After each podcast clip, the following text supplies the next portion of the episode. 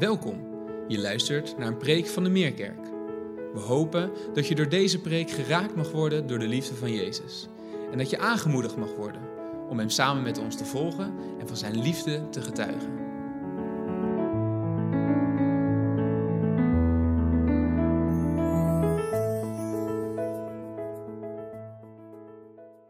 Een hele goede morgen allemaal.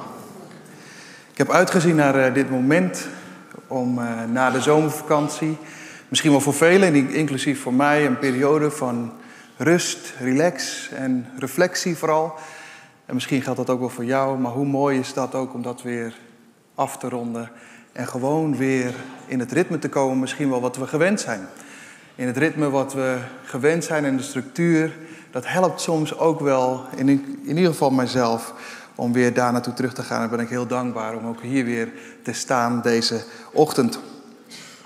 Voor de zomervakantie uh, heb ik de prekenserie over de bergreden afgesloten. En dat prekenserie over de bergreden sloten we af met het thema Heel Meerkerk bouwt en Heel Meerkerk bakt. Dat was natuurlijk ook op die ochtend. Toen hebben we aan iedereen die hier aanwezig was een bouwhelmpje meegegeven. En dat bouwhelmpje dat kon je aan je sleutelhanger doen of misschien wel ergens op de kast leggen waar je hem in ieder geval tegenkomt als reminder en misschien wel als opstapje om na te kunnen denken: bouw ik mee aan de gemeente? Ik hoop dat je daar ook in de zomervakantie misschien wel momenten voor hebt genomen om uh, dat bouwhelmpje nog eens een keer op te zoeken. En dat het je heeft aangespoord om na te denken, om mee te bouwen. Om niet alleen maar aan je sleutelhanger te leggen, te zetten, maar ook uh, misschien wel op te zetten en mee te gaan bouwen daar waar God je gevestigd heeft. Misschien hier in de Meerkerk, misschien in een andere gemeente, maar hoe goed om mee te bouwen. Vorige week sprak hier Bart van Nes. En Bart van Nes heeft eigenlijk een prachtige springplank gecreëerd uh, om voor te bouwen datgene wat we hebben afgesloten voor de zomervakantie. Hij had het over iets doen met wat je is toevertrouwd door God. Open je zakdoek en ga zaken doen, was het thema. En hij sprak dan ook over de dingen die je eventueel zouden kunnen tegenhouden om iets te gaan doen met wat je is toevertrouwd. Namelijk dat je misschien wel te bescheiden bent, dat het niet zo hoeft, Misschien ben je te bang en durf je niet. Misschien ben je te beroerd en wil je niet. Nou, ik hoop dat je zeker met die woorden ook van vorige week iets gedaan hebt in de afgelopen week. Want daar bouwen we eigenlijk wel op voort vandaag. Dat we na willen denken over dat thema wat Henrike ook al noemde. Ben jij een bodybuilder? Nou, niet gelijk om je heen kijken en denken van, moe, valt wel mee. Nee, dit gaat niet om de ander. Het gaat om jou. Ben jij een bodybuilder? En als je dat niet bent, zou je dat eventueel vandaag kunnen worden. Hoe mooi is dat? En een bodybuilder heeft natuurlijk alles te maken met het bouwen aan het lichaam van Christus.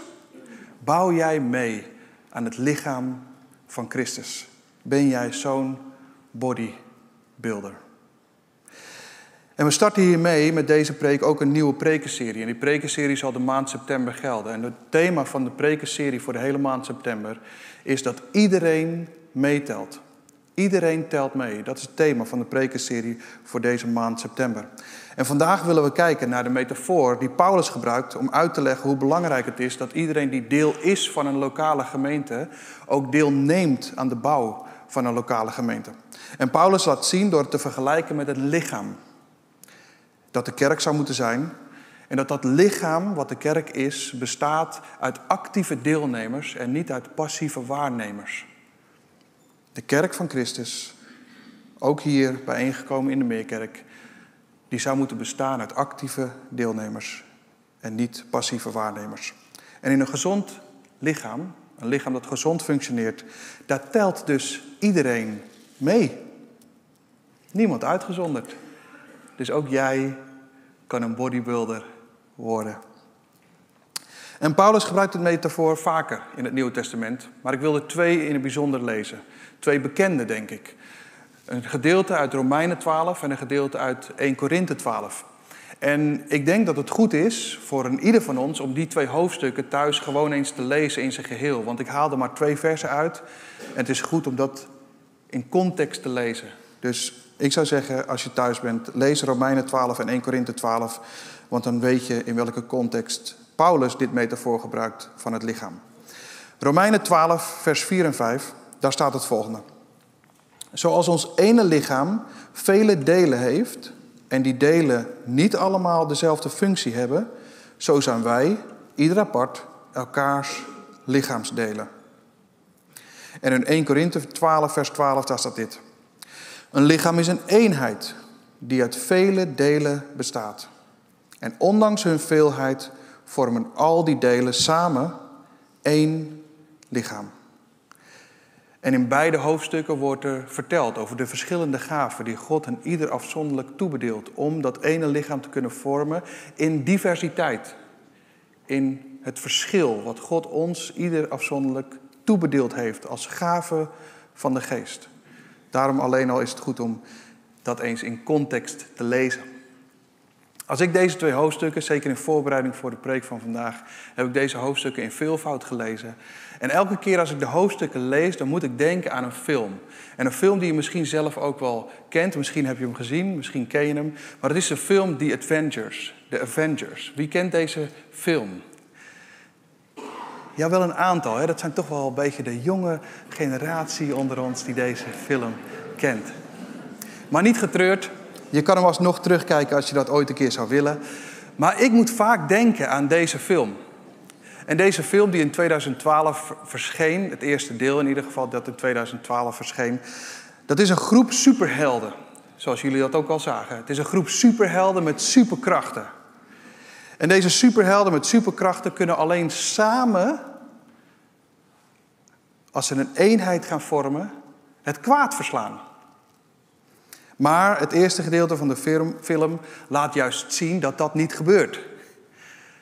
Ze komen bij elkaar en ze spreken met elkaar en ze hebben wantrouwen naar elkaar. Want ja, iedereen zit daar met zijn eigen agenda, iedereen heeft zijn eigen superkrachtje en ze benadrukken de verschillen en komen er niet uit. En het is eigenlijk datgene wat Jezus ook laat, wat Jezus zelf vertelt in de Bijbel, dat als een koninkrijk innerlijk verdeeld is, kan het geen stand houden. En dat zie je hier ook gebeuren, in deze film. Het zou zomaar eens gebaseerd kunnen zijn op het evangelie. Als het innerlijk verdeeld is, kan het geen stand houden en heb je geen kans om het kwaad te verslaan. En dan gebeurt er daar in de film het kantelpunt. Want een van deze superhelden gaat dood. En als een van deze superhelden doodgaat, dan ineens komen ze als collectief tot het inzicht dat de kracht die zij hebben, als ze hun krachten bundelen, dat dat de enige optie is om het kwaad te kunnen verslaan. En dan uiteindelijk gaan ze hun krachten bundelen en kijken ze niet zozeer naar de verschillen, maar kijken ze naar hoe kunnen wij een eenheid vormen. En als ik het beste in jou naar boven haal en jij haalt het beste in mij naar boven, sky is the limit. Een eenheid zie je dat er daar gevormd wordt. Een eenheid waar individuele krachten en verantwoordelijkheid gebundeld worden voor het collectieve belang. En precies dat wil ik vandaag belichten. Wij allemaal hebben individuele gaven en een verantwoordelijkheid voor het collectieve belang van het lichaam. Samen. Samen vormen wij het lichaam en worden we opgeroepen om daaraan mee te bouwen. God roept ons op, God roept jou op om een bodybuilder te zijn. Ongeacht leeftijd, zelfs ongeacht je fysieke, lichamelijke conditie.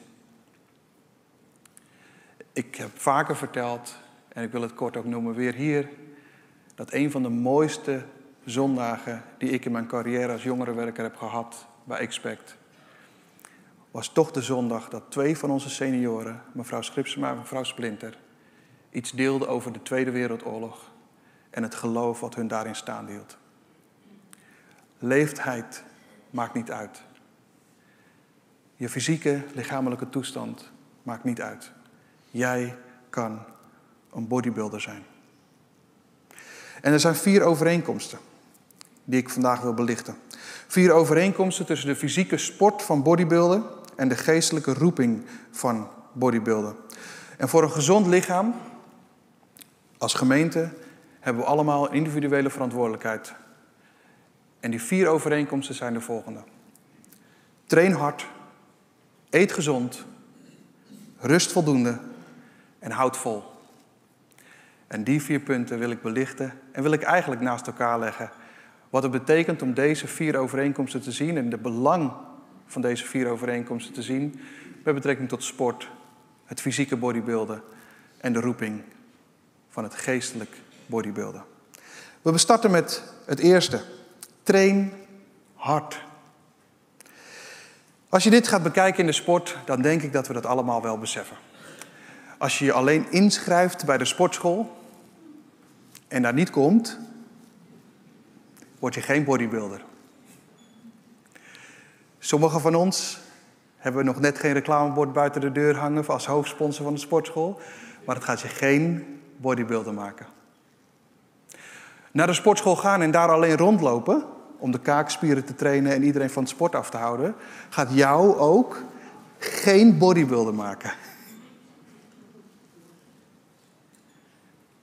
En als je dan vervolgens na een aantal jaar sponsoring van de sportschool een hele boze mail stuurt naar de sportschool, omdat zij toch wel verantwoordelijk zijn voor jouw groei als bodybuilder, dan zit je er volledig naast.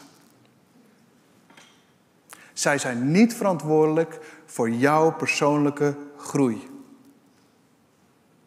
Zij zijn verantwoordelijk voor het aanreiken van de benodigde materieel.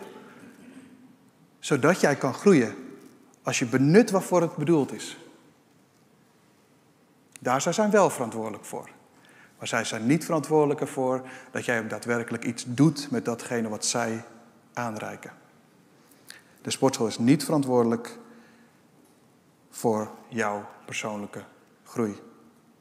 Wel voor het aanreiken van de mogelijkheden om te groeien. Maar jij bent verantwoordelijk om die aangereikte mogelijkheden daadwerkelijk te gebruiken om te groeien.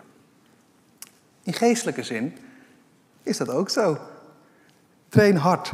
Het gaat dus niet alleen maar om het horen, niet alleen maar om de doxa. Het gaat ook om de praxis, om het handelen. Datgene wat je hebt gehoord, ook daar iets mee te doen.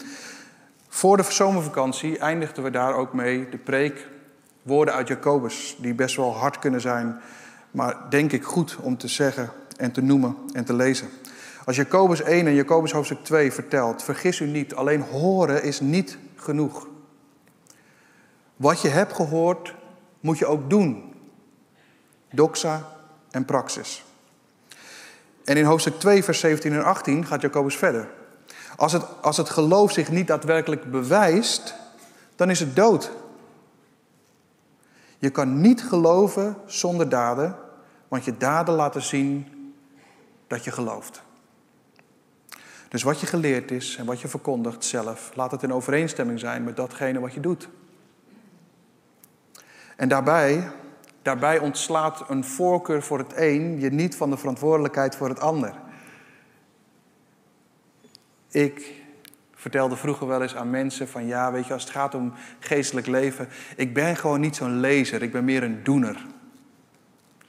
Ja, dat kan zo zijn, maar het een ontslaat je niet van de verantwoordelijkheid voor het ander. Ik heb een voorkeur voor doen, maar het ontslaat me niet van het lezen van Gods woord. En het tegenovergestelde is ook waar. De andere kant. Je kan een lezer zijn, maar geen doener. Maar ook dan ontslaat het je niet van de verantwoordelijkheid om te doen. Datgene wat je gelezen hebt. Een voorkeur voor het een ontslaat je niet van de verantwoordelijkheid voor het ander. De vergelijking met de sportschool gaat om de kerk. Alleen naar de kerk komen en deel worden van het lichaam van Christus is niet voldoende. De kerk is verantwoordelijk voor het aanreiken van de mogelijkheden om te groeien. Maar de kerk is niet verantwoordelijk dat jij ook daadwerkelijk groeit. Jij bent verantwoordelijk om datgene wat je aangereikt is, daadwerkelijk te gebruiken om te groeien. En we hebben het vaker genoemd, het is makkelijker om tien preken te luisteren dan er eentje te leven. Maar als het gaat om dit voorbeeld, als je wilt bouwen aan het lichaam van Christus, dan zal je doxa ook praxis moeten worden. Dat was punt 1. Train hard. Punt 2 staat eraan gelijk, zou je bijna kunnen zeggen. Eet gezond. Als het gaat om het sport. Als je alleen maar eet en niet sport, niet beweegt, dan is de kans op obesitas groot. Als we nu kijken naar de statistieken wereldwijd, dan zien we vandaag de dag, dat is trouwens al enkele jaren, maar dan laten die statistieken zien dat wereldwijd veel meer mensen overlijden en sterven aan overvoeding dan aan ondervoeding. En het probleem van ondervoeding pakken we aan, want dat willen we doen. We willen armoede bestrijden. Maar overvoeding is vandaag de dag misschien wel nog groter probleem aan het worden. Er sterven in ieder geval meer mensen aan overvoeding dan aan ondervoeding. Dus als je punt 1 ter harte hebt genomen, om hard te trainen, en je hebt dat geïmplementeerd in je leven, je traint ook hard, dan is de juiste voeding tot je nemen ook van essentieel belang. Wat eet je? Eet je gezond? Eet je gevarieerd? En als je hard traint, maar elke dag te vinden bent in welbekende fastfoodrestaurants of de plaatselijke snoepwinkel, daar ben je vaste klant, dan is dat niet gezond voor je lichaam. Soms merk ik, laat ik het vooral bij mezelf houden, dat ik soms ook wel eens merk dat als ik naar een fastfoodrestaurant ga, de McDonald's bijvoorbeeld, dat je dan, terwijl ik daarheen rijd, dat ik goed ga praten, dat ik het gewoon tot me ga nemen. En dat ik gewoon ga bestellen wat ik wil eten. Ik weet niet of, of, of mensen zich daarin herkennen. Maar dan bestel ik allerlei hamburgers en patat en allerlei dingen. En dat doe ik ook voor Jim, dat doe ik ook voor Linda. En dan, en dan ter, ja, gevoelsmatige compensatie bestel ik geen cola, maar suderans.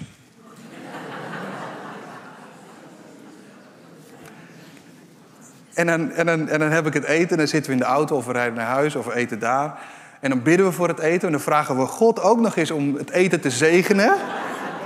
Dat het ons lichaam mag sterk en gezond mag houden. En dan kijk ik vervolgens als een gebedsverhoring naar de mijn hamburger. Herkenbaar of niet? Dit is overigens geen verbod op fastfood. Ik bedoel, doe vooral wat je wil, maar het is wel een oproep. Een oproep om je bewust te zijn van het feit dat wat je eet effect heeft op je lichaam. Wat je eet heeft effect op je lichaam. Wees daar bewust van. En in geestelijk opzicht dus net zo. Datgene wat je leert als voeding tot je neemt is heel erg belangrijk. Want het heeft een uitwerking op ons lichaam. Wat jij als voeding, als geestelijke voeding tot je neemt, persoonlijk, heeft zijn uitwerking op het collectief van ons lichaam. Is die leer, is het onderwijs wat jij tot je neemt, dus gezond? Is het geestelijke voedsel wat jij tot je neemt gezond voor ons lichaam? Want niet alles, niet alles wat uit de Bijbel onderwezen wordt, staat gelijk aan groente en fruit. Er is heel veel troep wat ons lichaam vergiftigt. Ook als het uit de Bijbel onderwezen wordt. Wat jij geestelijk tot je neemt aan voeding, heeft effect op ons lichaam. En daarom roept de Bijbel op om te toetsen datgene wat je hoort en het goede daarvan te behouden. En in dat lichaam van Christus dat lichaam van Christus, wat dus niet gelijk staat aan conferenties, bijbelscholen of andere christelijke bewegingen. Dat zijn geen lichamen van Christus. Het lichaam van Christus als kerk, als gemeenschap, waar Jezus het hoofd van is. Die lokale gemeenschap, waar mensen deel van zijn en iedereen deelneemt met inzet van zijn of haar gaven ten bate van de gemeente. Daar is het belangrijk wat je tot voeding neemt. In dat lichaam is niemand hetzelfde. En mogen we samen een eenheid vormen, gedreven door de ongeveinsde liefde. En daar is individuele vorming voor het collectieve belang tot eer en glorie van Jezus Christus zelf en als getuigenis naar de wereld om ons heen. Als wij verdeeld zijn, is dat een slecht getuigenis voor de wereld om ons heen. En als wij een eenheid vormen, is dat een positief getuigenis voor de wereld om ons heen. Daarom om die reden, wees waakzaam wat je eet en door wie jij je laat voeden. Want wat je geestelijk eet, heeft effect op ons lichaam. Derde punt. Rust voldoende. Als het gaat om sport. Onze spieren die herstellen en groeien in de momenten dat je rust. Hard trainen is dus superbelangrijk, maar rust net zo belangrijk. Rust is de meest onderschatte factor als het gaat om spieropbouw. Er zijn mensen die denken dat je heel erg gespierd wordt door alleen maar hard te trainen. En dat is niet juist, want voeding en rust zijn net zo belangrijk. Trainen prikkelt namelijk je spiergroei, maar voeding en hormonen die bepalen hoe jouw lichaam naar deze prikkels luistert. Twee cruciale hormonen die de spieropbouw bepalen zijn testosteron en groeihormoon. En beide, beide maakt het lichaam aan als je rust en tijdens je slaap. Daarbij, als je rust, als je dat niet doet, als je niet rust, als je niet rust, dan riskeer je lichamelijke overbelasting en blessures, omdat je spieren simpelweg de tijd nodig hebben om te herstellen. In geestelijke zin net zo. Mijn eigen karakter en zeker mijn verantwoordelijkheid binnen de gemeente van Christus, dat lichaam, dat maakt nog wel eens dat rust er gemakkelijk bij inschiet. Maar zelfs als je een drukke baan hebt of een druk gezin, en zeker een combinatie van die twee, maakt dat rust er gemakkelijk bij inschiet. Maar als je geen tijd inplant, als je geen tijd inplant om geestelijk tot rust te komen, dan riskeer je geestelijke overbelasting, wat consequenties heeft op jouw persoonlijke lichaam, maar ook op ons lichaam. Wanneer één deel lijdt, lijden alle andere delen namelijk mee. Zorgen voor rust is dus belangrijk voor jezelf en voor het geheel van het lichaam van Christus. In de zomervakantie doe ik iets wat ik al jaren doe en dat is op retraite gaan. Een aantal dagen apart zetten om weg te gaan, alleen met een bijbeltje naar een plek waar ik vaak niet kom. Een onbekende omgeving en daar Gods woord te lezen, stil te worden, te luisteren en te bidden. En op een of andere gekke manier is, is, is de manier waarop ik daarheen ga en terugkom elke keer exact hetzelfde. In de zin dat als ik erheen ga en ik kom dan op mijn hotelkamer of waar ik ook kom, dan denk ik altijd, wat doe ik hier? Waarom doe ik dit? Alsof God niet in Hoofddorp te vinden is. Zo ga ik erheen. En als ik dan moet uitchecken, dan denk ik altijd, ik wil niet weg. Ik wil hier blijven. En alleen als u voor me uitgaat, zal ik uitchecken. Op een of andere gekke manier is die worsteling elke keer weer hetzelfde. Erheen gaan en denken, wat doe ik hier? En tegelijkertijd is de zegen elke keer hetzelfde. Je wil niet weg, je wil daar blijven, omdat je intimiteit met God ervaart op een niveau dat anders is dan door de rest van het jaar heen. Een van de dingen die ik las en die heel erg toch wat tot mijn hart gesproken hebben, was Psalm 127, waarin staat: Als de Heer het huis niet bouwt, vergeefs zwoegen de bouwers. En dat huis dat staat voor je gezin en dat huis dat staat voor een gemeenschap. En misschien was dat wel de reden waarom het zo mijn hart raakte.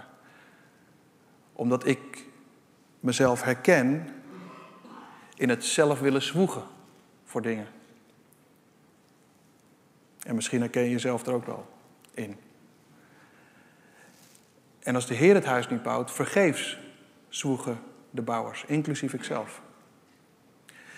En het was voor mij ja, een eye-opener, zou ik kunnen zeggen. Dat wat God daar liet zien, was niet dat ik een passieve houding moet aannemen. Van nou ja, de Heer bouwt wel en ik zie wel. Nee, het is een actieve houding. Een actieve houding van verwachten, van vertrouwen. Als de Heer het huis niet bouwt, vergeefs vroegen de arbeiders, vergeefs vroegen de bouwers. Dat betekent niet dat we niet moeten bouwen. Dat betekent niet dat we niet mogen zwoegen. Het betekent, van wie verwacht je het? Van jezelf of van de Heer? En in die tijd dat, je daar, dat ik daar was, was ik ook bezig met het inplannen van mijn nieuwe werkweekschema. Dat doe ik vaker. Want ik merk in de loop van de tijd dat mijn werkweekschema uit balans raakt. En dan is het elke keer weer goed om eventjes een, een, een schop onder mijn uh, ding te krijgen. Om eventjes weer terug te gaan. Van joh, welke afslag heb je gemist, Patrick? Ik ga weer terug naar datgene wat ik je heb laten zien. En dat gebeurde deze keer ook weer. En terwijl ik mijn weekschema wilde invullen van dingen die structureel terugkomen in mijn week, ervaarde ik dat God daarin zei: start eerst met kruisen zetten. Start eerst met het zetten van kruisen.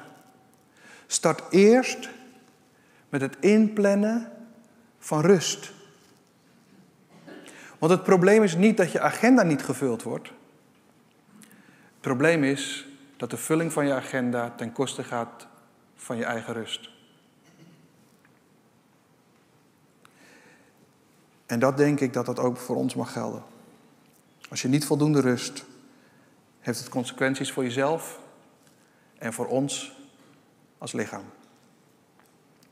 En het laatste punt is houd vol.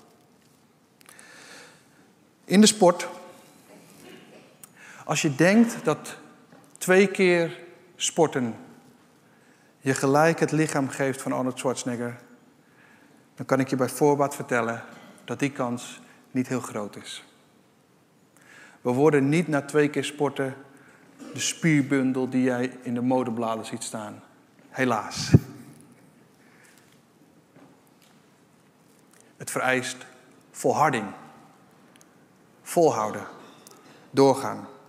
Groei gaat langzaam, vraagt geduld en vereist volharding. En hier zie ik in de sportschool het regelmatig ook fout gaan. Dan zie ik super enthousiaste jonge gasten binnenkomen in de sportschool. En die hebben zich ingelezen op trainen, die hebben ingelezen op voeding. En het enige waar ze, kunnen over, waar ze over kunnen praten is voeding en trainen. En ze zitten zeven dagen in de week in de sportschool te knallen. En je ziet inderdaad dat het, dat het resultaat heeft. Ze tillen steeds zwaarder. En lichamelijk zie je dat misschien wel het biervatje plaats heeft gemaakt voor een sixpack. En dan? Dan komt er een periode van ontmoediging. Ze raken ontmoedigd, omdat de spiergroei niet zo snel gaat als dat ze zelf hadden gehoopt. De spiergroei stagneert, wat heel logisch is trouwens. De kracht. De kracht heeft een explosieve groei in het begin. Maar die stijgende lijn kan je niet vasthouden, dat wordt minder. Is begrensd. Kan demotiveren, kan ontmoedigen. Wat je ook ziet, wat vaak ontmoedigt, is dat als er perfectie verwacht is en je dat niet haalt, dat dat ontmoedigt. En de vraag is of we überhaupt ooit perfect zullen worden, lichamelijk gezien. Wat ook kan ontmoedigen is dat je last krijgt van blessures. Dat je ziet dat je binnen twee maanden alles hebt ingeleverd wat je in twee jaar hebt opgebouwd. En als laatste, wat ook nog eens zou kunnen ontmoedigen, is dat je een relatie krijgt. En dat je de tijd moet verdelen. En dan overwint de liefde vaak. Of onderdrukking, maar vaak wint de liefde dan. En, zie je, merk je dat mensen langzamerhand minder in de sportschool te vinden zijn. En dat ontmoedigt. Geestelijk gezien. Volharding, zoals de Bijbel dat omschrijft, volharding is het niet afwijken van je weloverwogen doel en vasthouden aan je geloof ten tijde van lijden en beproevingen. Het Griekse woord voor volharding is hypomonee. En wat betekent dat je moeilijkheden en situaties van verdrukking geduldig verdraagt. Letterlijk betekent dit woord volharding dat je eronder blijft staan. Wat vaak vergeleken wordt met de pijler onder een brug, die, de zware, die het zware verkeer draagt en heel bewust onder de druk blijft staan, daar niet voor wegrent. En dat onder die druk blijven staan, dat kan alleen maar als je een hoop hebt die bovennatuurlijk is. Je hebt een bovennatuurlijk doel gesteld. Je zou kunnen zeggen voor ons, voor ons individueel, je zou je kunnen zeggen dat je in je leven mikt op de hemel. Je mikt op de nieuwe hemel, nieuwe aarde en nieuwe Jeruzalem. En je concentreert je op vandaag. Je mikt op de hemel, maar je concentreert je op vandaag. Je hebt een bovennatuurlijk doel, wat hoop geeft.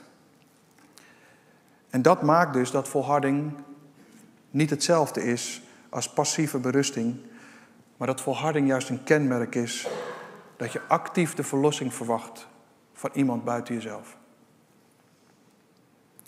En zoals we in de sport ontmoedigd kunnen raken, zo raken we ook ontmoedigd in geloof in de kerk. De wereld om ons heen, ons eigen zwakke vlees of de listen van de duivel, die zullen er alles aan doen om je enthousiasme en je passie voor Jezus en zijn kerk, zijn lichaam te roven. En in heel veel gevallen met succes.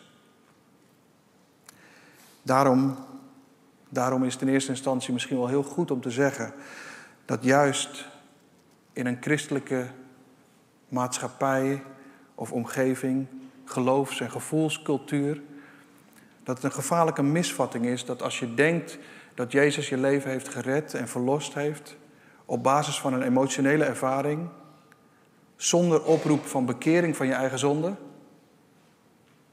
dat zit je ernaast. En dan zal je merken dat het alleen maar blijft bij die emotionele ervaring, dat volharden eigenlijk niet te doen is.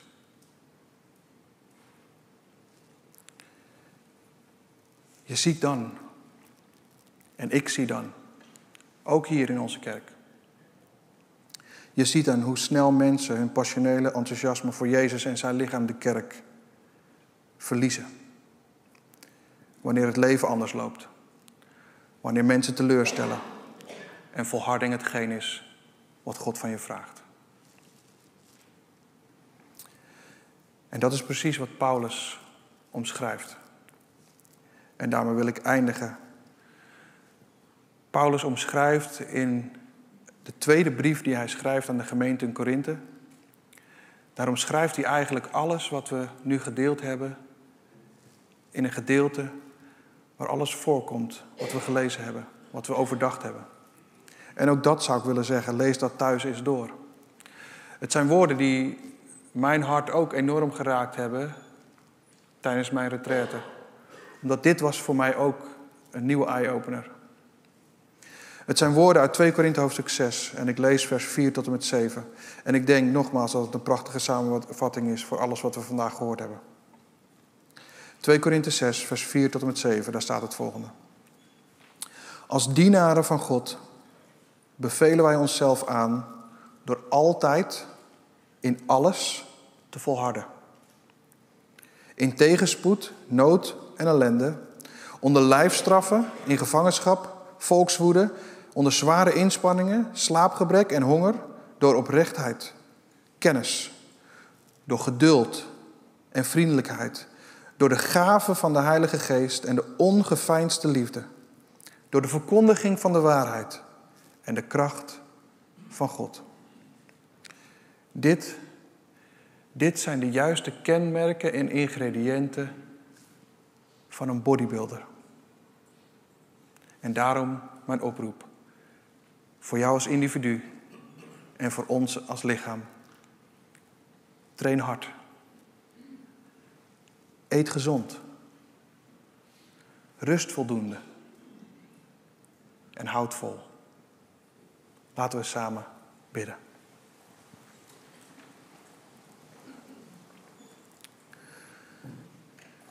Wat ben ik dankbaar. Wat ben ik dankbaar, Vader, voor het feit dat we hier mogen zitten en thuis mogen meekijken en samen ons verbonden weten als Meerkerk hier. Dat we deel zijn van een gemeente en daardoor deelnemen aan de bouw van deze prachtige gemeente die u ons heeft toevertrouwd, die u ons heeft gegeven. En ieder naar zijn of haar eigen vermogen op het gebied van haar en zijn eigen gaven en talenten, die u heeft toebedeeld aan ieder van ons afzonderlijk. Heer, ik bid zo dat alles daarin, in het samenbouwen als bodybuilders, dat alles gebaseerd zal zijn op die ongeveinsde liefde voor u. Die ongeveinsde liefde voor elkaar. En die ongeveinsde liefde voor onze omgeving. Wat een getuigenis zal dat zijn in de wereld die steeds meer verdeeld raakt. Die veel meer kijkt naar de verschillen. En dat belicht. Hoe mooi is het om als gemeenschap juist de verschillen als zegen te zien. Als we ons als eenheid inzetten met u als hoofd, waardoor het lichaam in beweging komt. Dat we elkaar lief hebben met die innige liefde van broeders en zusters, waarbij we de ander hoger achten dan onszelf. En daarom bid ik dat we ons enthousiasme niet laten bekoelen, maar dat we ons elke keer weer opnieuw laten aanvuren door uw Heilige Geest, door u te dienen, door deel te zijn van het lichaam en onze verantwoordelijkheid daarin te nemen. Dat we daardoor verheugd zullen zijn, standvastig en dat we onophoudelijk voor elkaar bidden. Omdat we weten dat u onze Vader bent, de Vader van de schepping, de Vader van ons persoonlijk. Daarom wil ik bidden, Heer, dat u onze generatie maakt die overwinnen kan en overwinnen zal door de kracht en de leiding van uw geest. Daarom bid ik, Heer, dat we mogen uitzien en vertrouwen. Dat U uw heerlijkheid toont, ook in dit huis. Dat U ons een eenheid maakt, dat een zegen zal zijn voor onze omgeving. Zodat de wereld zal ervaren dat de kerk haar kracht niet is verloren, maar dat de kerk vol is van uw kracht. En daar wil ik een moment stil zijn om er ieder van ons de gelegenheid te geven ons aan te melden als geestelijke bodybuilder voor de bouw van uw lichaam, de lokale gemeente waar we deel van zijn. Spreek daarom tot ons in deze momenten van stilte.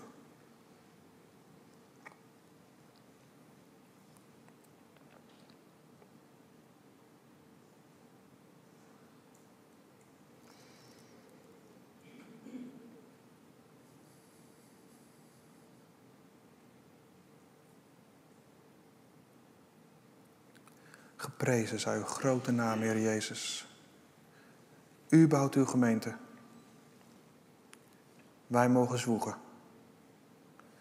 Help ons om deze vier punten ook in de komende weken elke keer weer in herinnering te brengen. Door hard te trainen, gezond te eten, voldoende te rusten en vol te houden dat we onze individuele verantwoordelijkheid pakken voor het belang van het collectief, van ons als lichaam. Dank u wel, Heer. Dank u, dank u, dank u. Amen. Fijn dat je hebt geluisterd. Voor meer informatie ga naar www.meerkerk.nl.